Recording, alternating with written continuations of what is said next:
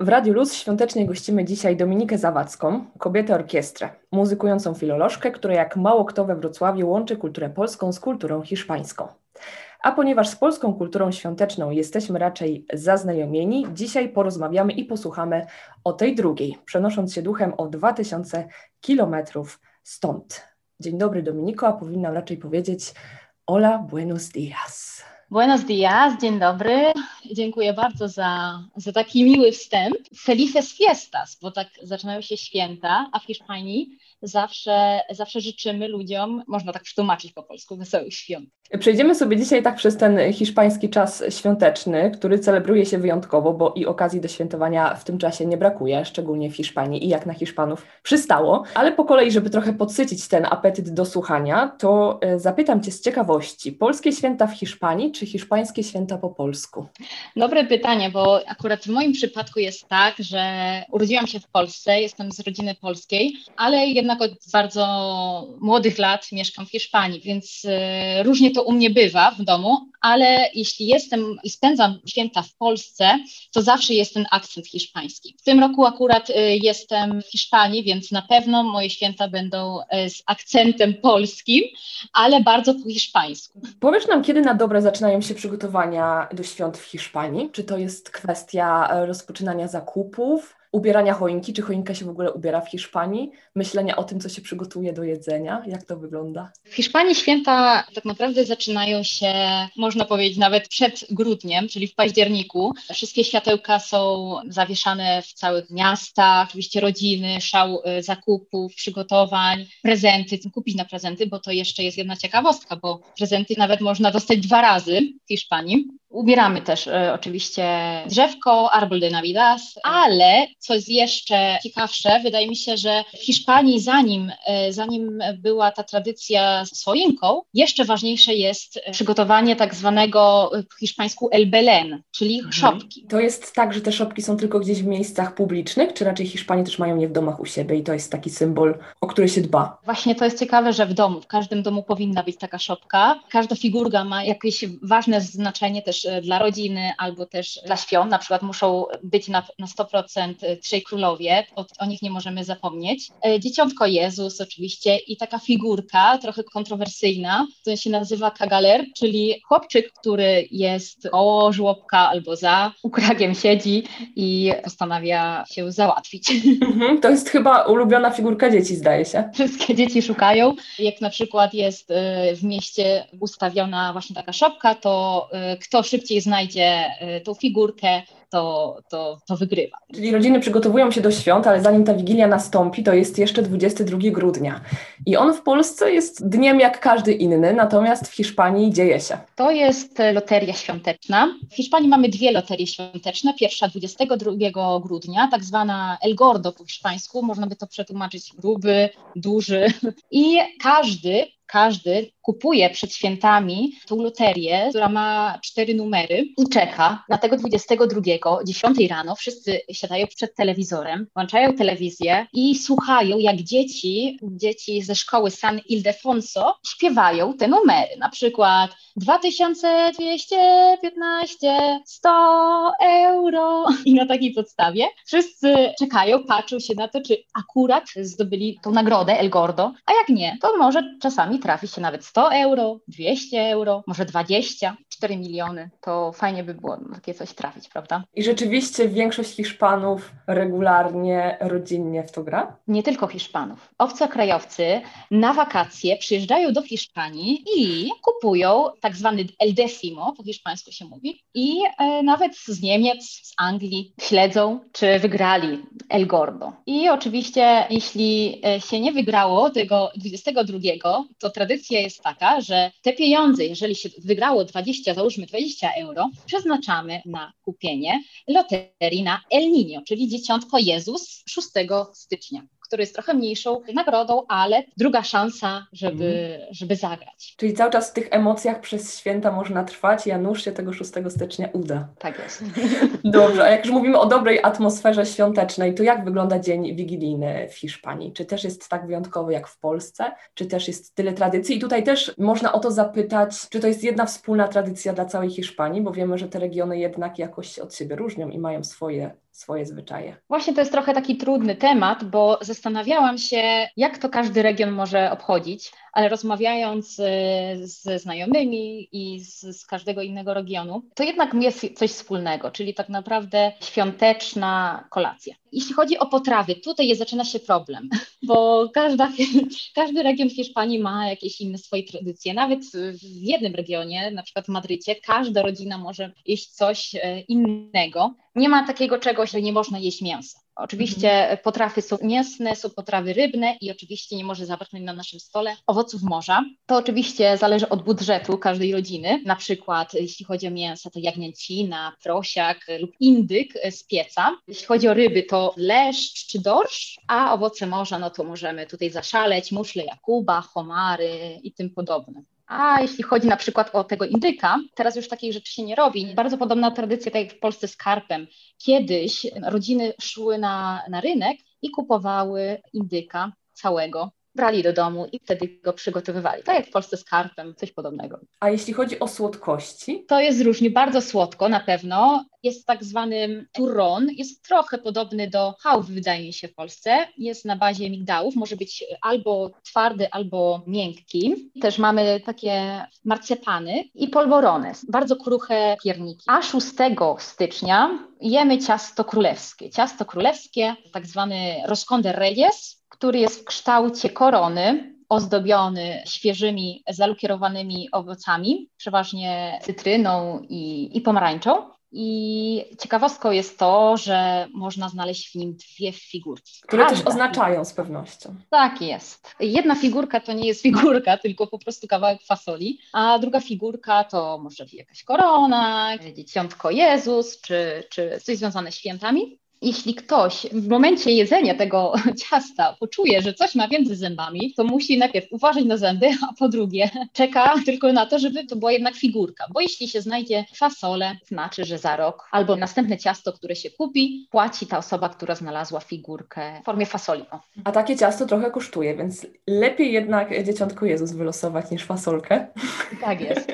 I tutaj też pojawia się pytanie, czy jest tradycja przygotowywania potraw wspólnie w domach, czy raczej się kupuje? To zależy od rodziny. Przeważnie jest tak, że, że się pomaga w kuchni razem. Mama z dziećmi gotują potrawy. Oczywiście trzeba najpierw to zamówić, bo jeśli na ostatni dzień czekamy, to, to będzie problem potem kupić na przykład taką jagnięcinę. Przygotowujemy potrawy razem. Ciekawi mnie też bardzo e, muzykowanie, bo na pewno dobrze wiesz, że kolendy są nieodłącznym elementem polskiej Wigilii i nawet ci, którzy w ciągu roku normalnie nie śpiewają, to w trakcie Wigilii nagle zaczynają śpiewać. I teraz jestem ciekawa, jak to wygląda w przypadku Hiszpanów. Czy oni chętnie śpiewają, czy w ogóle kolendy jako takie istnieją w Hiszpanii? Tak, y, kolendy istnieją, lecz y, wydaje mi się, że tradycja jest silniejsza w Polsce. Też wydaje mi się, że to zależy, czy się mieszka y, na wsi, czy, czy, czy w mieście. To się kolenduje mniej albo więcej.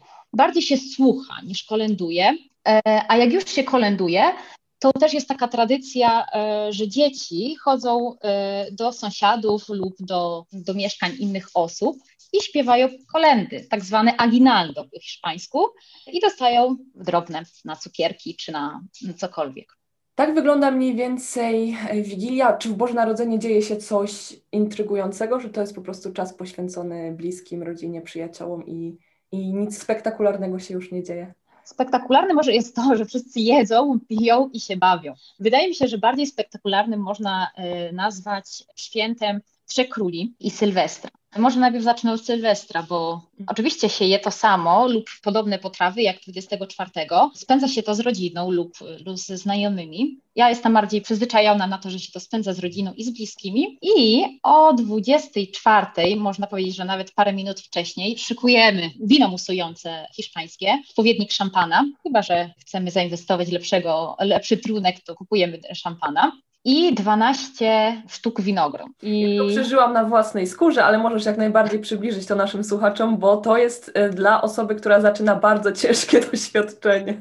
W skrócie to można powiedzieć, że trzeba zjeść 12 winogron, czyli odliczy się nie od 10, tylko od 12 i za każdym razem trzeba po prostu zjeść jeden winogron. Kończy się tak, że albo wszyscy wpadają w śmiech, nie są w stanie wszystkiego połknąć, albo po prostu każdy ma jakąś swoją strategię, więc e, z roku roku na rok to może być łatwiejsze. U nas to wyglądało tak, że w grupie obcokrajowców wszyscy pakowali sobie do ust te winogrona i nikt ich nie połykał, więc po chwili mieliśmy buzie wypełnione winogronami, ponieważ nasz prowadzący nie wprowadził nas tak dobrze w temat, jak to powinno wyglądać. Także śmiechu była co niemiara, ale wiem, że to jest też takie święto, które jednoczy medialnie. Zawsze się odlicza z telewizorem. Nigdy nie jest tak, że wszyscy mamy, bierzemy te telefon i, i odliczamy sami. Zawsze się komunikujemy z, z jakąś e, stacją telewizyjną albo właśnie z, z Plaza de Sol. To jest ciekawe, bo czasami niektóre rodziny, przynajmniej w mojej jest tak, że dwa razy jemy, przygotowujemy sobie dwa razy po 12 winogron i jak się nam za pierwszym razem nie udało, to godzinę potem włączamy to kanał. Dobra szansa. Polecam.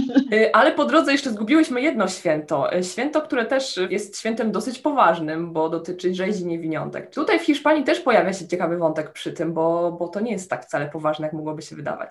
Trzeba pamiętać, że to jest poważne święto, ale chyba wszyscy o tym zapominamy, bo 28 grudnia wszyscy robimy sobie żarty. To takie prima aprilis, y, jak w Polsce, tylko Przeniesione 28. na grudzień, tak. Tak jest. Więc zawsze się pisze jakiś żart na grupie rodzinnej, albo po prostu przychodzi się do, do znajomych i, i zawsze jakiś żart musi być. No i ten 6 stycznia, o którym już wspomniałaś wcześniej, to jest święto też, które Chyba tak z dawna jest e, bardziej celebrowana jednak w Hiszpanii niż w Polsce i to wiąże się też między innymi raz, że z tymi odświętnymi pokarmami, czyli tym pysznym ciastem między innymi, ale też prezentami dla dzieci, bo e, dzieci dostają prezenty nie od świętego Mikołaja właśnie, a od Trzech Króli w Hiszpanii. Każde dziecko przed, y, przed nawet świętami pisze list do trzech króli, mówiąc, że było grzeczne, że oczywiście co chce dostać od każdego króla, więc można też liczyć na trzy prezenty, a nie na jeden. I wysyła to pocztą, więc y, rzucają przeważnie to dzieci do skrzynki pocztowej, więc to jest trochę trudne dla rodziców potem wiedzieć, co oni chcieli. A jeśli już chodzi o samego 6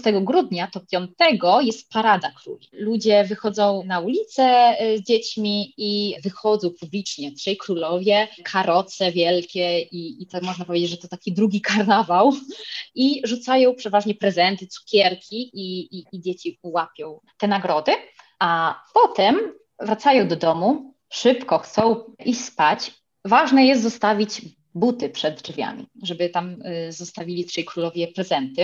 Y, jakiś y, poczęstunek dla trzech królów i nie można zapomnieć oczywiście o wodzie dla kamedios, to po polsku, już mam na końcu języka, wielbłądów. O. Dobrze Dominiko, powiedz jeszcze nam, wspomniałyśmy o tym bardzo krótko na samym początku, jakie ty rzeczy chętnie przemycasz z polskiej tradycji, jeśli rzeczywiście jesteś w Hiszpanii, teraz też jesteś w Hiszpanii, bez czego sobie nie wyobrażasz świąt związanych właśnie z polską tradycją? Co musi się pojawić? W moim domu zawsze musi się pojawić jedno wolne miejsce mm, dla osób, których już nie ma w naszej rodzinie.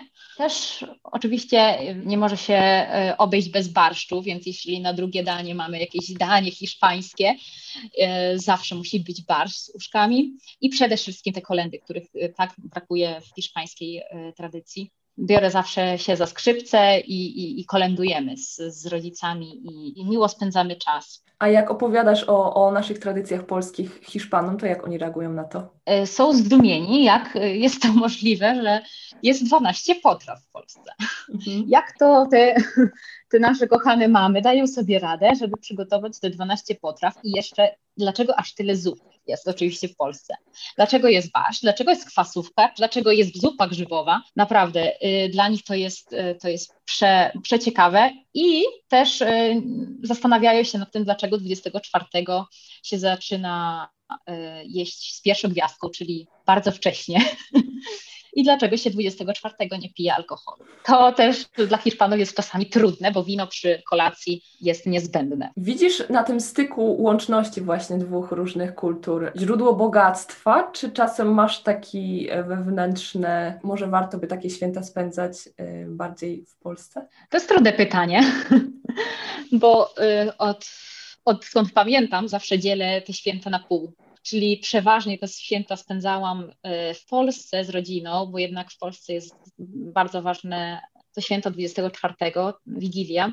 Znowu na Sylwestra przyjeżdżałam do Hiszpanii, co się też spędza prawie tak jakby drugie, druga Wigilia. Brakuje mi przede wszystkim śniegu, tego klimatu, zimnego y, otoczenia, kominek rodzinny, bo jednak w Hiszpanii jest ciepło, akurat w Madrycie. Jak co innego, gdybym była gdzieś w Pirenejach, to może bym to bardziej odczuła. No i brak y, oczywiście bliskich osób. To jest takim dylematem czasami, gdzie spędzić te święta. Dobrze, myślę, że nasi słuchacze dowiedzieli się, a może jeszcze nie, może jeszcze się czegoś nie dowiedzieli, może jeszcze coś pominęłyśmy. Jeżeli słuchacze chcieliby się coś więcej dowiedzieć y, o tradycjach hiszpańskich, oczywiście najlepszym sposobem, żeby się o tym dowiedzieć, to jest jednak spędzić te, te święta w Hiszpanii, więc y, zachęcam, szczególnie jak sytuacja się polepszy i można będzie spędzić na przykład Sylwestra na placu Plaza de Sol i, i, i razem z wszystkimi osobami zjeść te 12 winogron ogron na placu, gdzie jest bardzo zimno. Wydaje mi się, że, że, że to wszystko.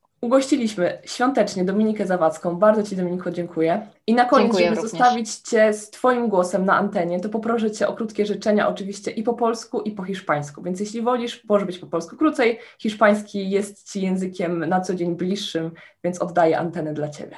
Vale, pues sobre todo me gustaría de, desear a todos los oyentes de, de la antena eh, por supuesto, eh, feliz Navidad, el nuevo año, prosperidad i sobre todo eh, mucha salud i felicidad. Czyli inaczej po polsku, e, przede wszystkim wesołych świąt, miłej atmosfery rodzinnej i oczywiście dużo i dużo zdrowia w następnym roku. Dziękuję Ci bardzo, Dominiko. Dla Ciebie również od naszych słuchaczy wszystkiego dobrego. Muchas gracias. Dziękuję.